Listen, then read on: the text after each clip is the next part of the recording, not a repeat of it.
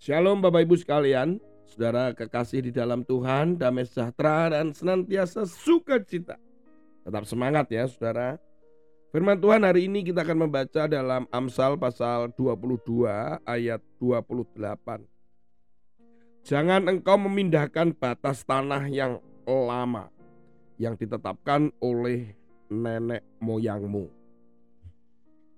Saudara orang-orang Yahudi ya juga orang-orang pada zaman dahulu itu untuk tahu lokasi area di mana mereka hidup dan tinggal, mereka biasanya memasang patok-patok atau batas-batas.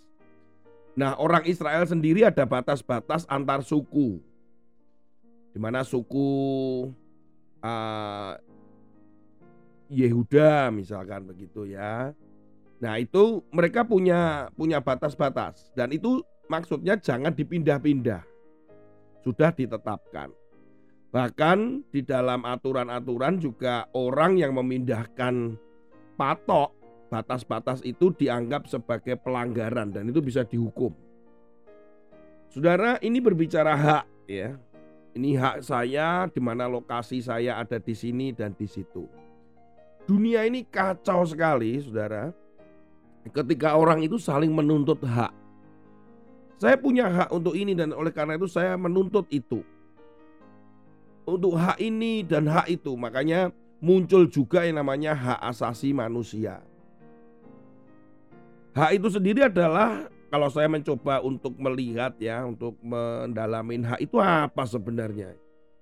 Hak itu adalah sesuatu yang melekat pada kehidupan manusia secara mutlak. Jadi hak. Sehingga kalau di hak asasi itu ada hak untuk hidup, hak untuk uh, mendapatkan tempat yang layak dan seterusnya. Apalagi kalau kita ngomong tentang hak anak. Apa itu yang melekat? Menurut uh, beberapa ahli dan kamus mengatakan apa itu yang mutlak melekat pada kehidupan manusia yaitu kebenaran, kepemilikan, kewenangan, kekuasaan, derajat, kewenangan secara hukum. Sudah pokoknya ya itu memang harus yang melekat di saya gitu, jangan diotak-atik. Tetapi sadar atau tidak ketika kita mempertahankan hak itu malah yang terjadi adalah pertengkaran, pertikaian. Baik dalam skala individual mungkin cuman satu dua orang sampai pada skala yang benar-benar bangsa. Satu negara akan merasa bahwa batas ini adalah batas negaranya. Indonesia sering berkonflik dengan beberapa negara. Ya negara-negara tetangga maksudnya.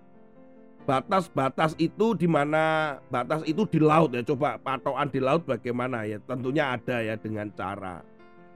Tetapi ketika mereka melanggar itu dan pelanggaran atau patok yang berubah itu akan menentukan kekayaan alam ya, resource dan sebagainya. Sehingga sering terjadi pertikaian, pertikaian-pertikaian antar negara hanya karena batas-batas yang dirasa bahwa itu ini hak saya, ini hak negara saya, ini hak negaramu dan seterusnya dan akhirnya sampai di peradilan dunia dan ya kalau sampai di sana tapi kalau enggak bisa jadi terjadi perang.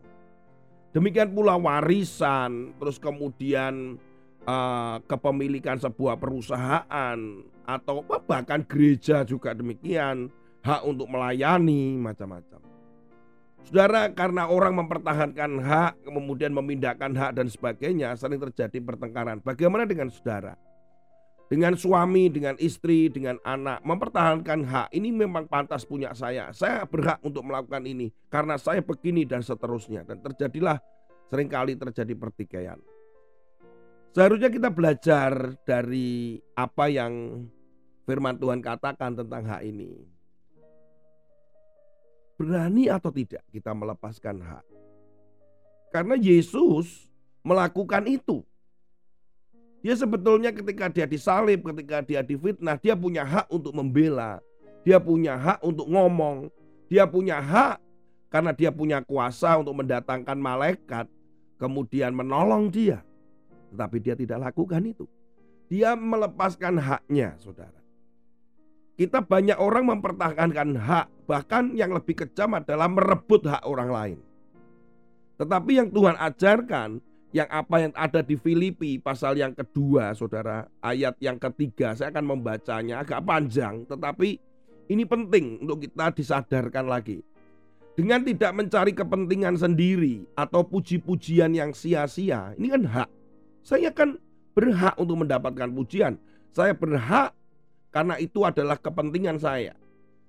Dikatakan diteruskan sebaliknya hendaklah dengan rendah hati yang seorang menganggap yang lain lebih utama daripada dirinya sendiri. Ini melepaskan hak loh saudara. Bahwa dengan kerendahan hati, nanti ada sinkron ini dengan apa yang dikatakan oleh Yesus. Ayat yang keempat dari Filipi pasal yang kedua. Dan janganlah tiap-tiap orang hanya memperhatikan kepentingannya sendiri, kalau saya boleh ganti sedikit, bukan bermaksud mengganti ayat, tetapi dan janganlah tiap-tiap orang memperhatikan haknya sendiri, haknya, karena itu kepentingan sendiri.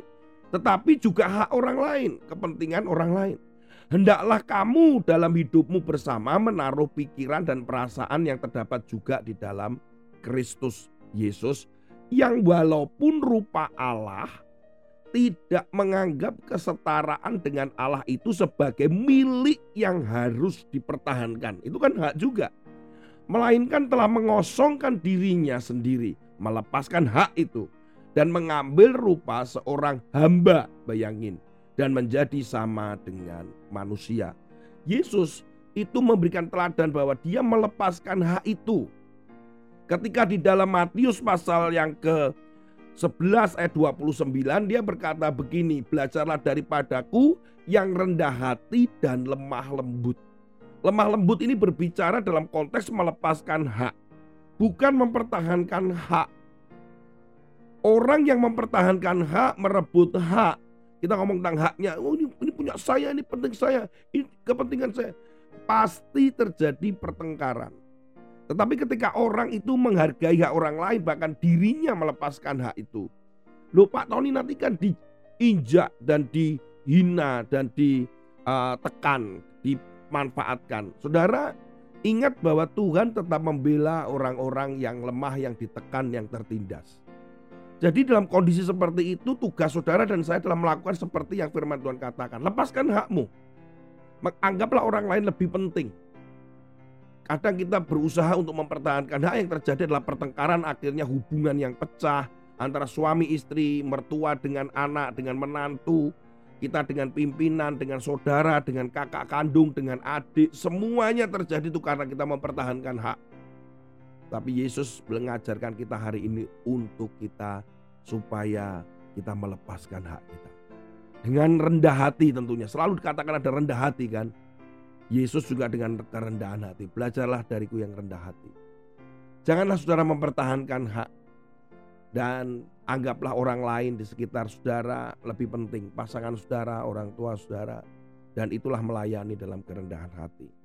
Dan pasti ada damai sejahtera dan sukacita. Jangan takut, Tuhan membela saudara dan senang dia karena kita sudah belajar dan melakukan apa yang Tuhan Yesus sudah lakukan. Amin. Ku berikan segalanya,